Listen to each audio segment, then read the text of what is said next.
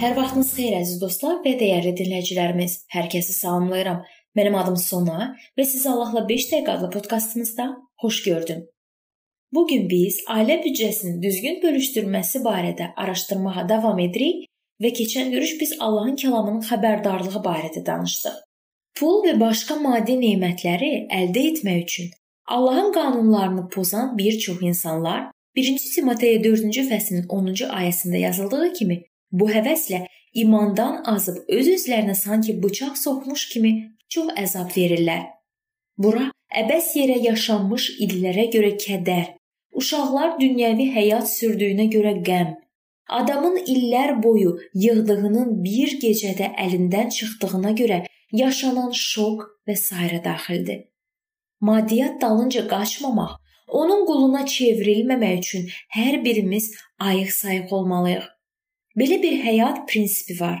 Artıq əlinizdə olan sıradan çıxmamış ondan istifadə edin. İlk növbədə yenisini almaq əvəzinə sınmış əşyanı düzəldin. Əgər almağa pulunuz yoxdursa, onsuz keçinin. Məsəji dərk etməlidir ki, maddi rifah onu yığmaq üçün deyil, bölüşmək üçündür. İsa deyib, vermək almaqdan daha çox bəxtiyarlıq gətirər. Bu həvarilərin işləri 20-35-də yazılıb. Bu dövrdə varlı olanlar təkəbbürlü olmamalı və gəldi gedər var dövlətə yox, zövq almağımız üçün bizə hər şeyi bol-bol verən Allaha ümid bəsləməlidirlər. 1-ci Timoteyə 6:17. İlk məsihçilərin heç də hamısı kəndli və ya qul deyildilər. Onlardan bəziləri çox varlı və nüfuzlu şəxslər idilər. Amma varlı olduqları üçün Allah onları qınamırdı və var dövlətlərini kasıblara paylamalarını tələb etmirdi. Onlara var dövlətlərinə bel bağlamamaq nəsihət edilmişdi. Var dövlətin qurduğu tələlərdən biri budur ki, varlı olub ona güvənməmək çətindir. Var dövlət gəldi gedərdi. Bu gün var, sabah isə olmaya bilər. Təkəbbürlü olmaq, qürurlanmaq, güya bu varidata layiq olduğunu göstərmək deməkdir. Bəzən Allah qənaət və səylə çalışmağın müqabilində adama müəyyən varidata sahib olmaq imkanı verir. 5 talantını sərmayəyə qoyub daha 5 talant qazanan adam bu cəhdinə görə mükafatlandırıldı.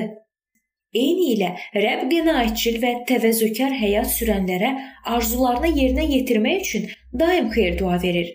Amma pula həris insanlar Hətta o pulu öz halal zəhmətləri ilə qazansalar belə, onun quluna çevrilirlər. Belə vəziyyətdə insan imandan və Allahdan asanca uzaqlaşa bilər. Zövq almağımız üçün bizə hər şeyi bol-bol verən ifadəsi o anlamı verir ki, Allahın bizə təqdim etdiyi həyat nemətlərindən heç bir vicdan əzabı çəkmədən zövq almağımız lazım və vacibdir. Bura qida, idman, təbiət və istirahət daxildir. 17-ci ayədəki iddia cah-calal içərisində yaşayanları məsuliyyətdən azad etmir.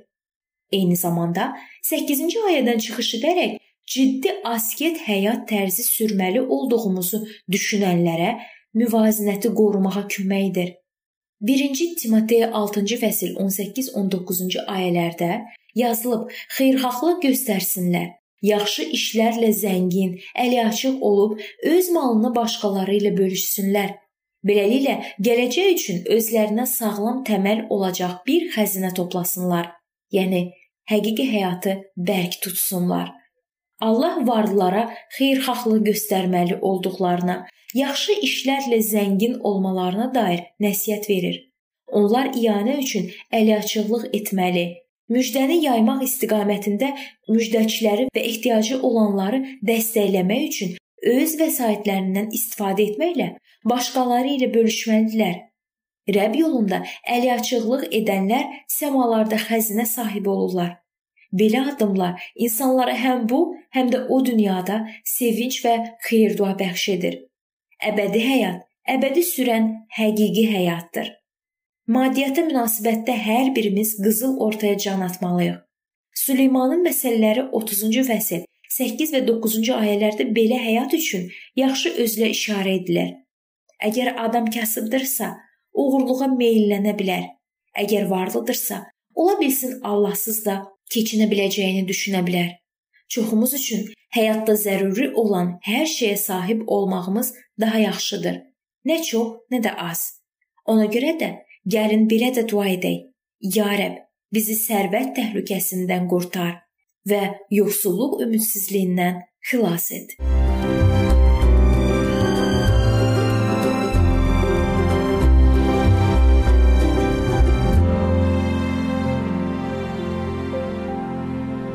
Beləliklə əziz dostlar, bu yerdə bu mövzu sona çatdı. Hər zaman olduğu kimi sizi dəvət edirəm ki, bizim podkastlarımızı Facebook səhifəmizdən və YouTube kanalımızdan dinləməyə davam eləyəsiniz.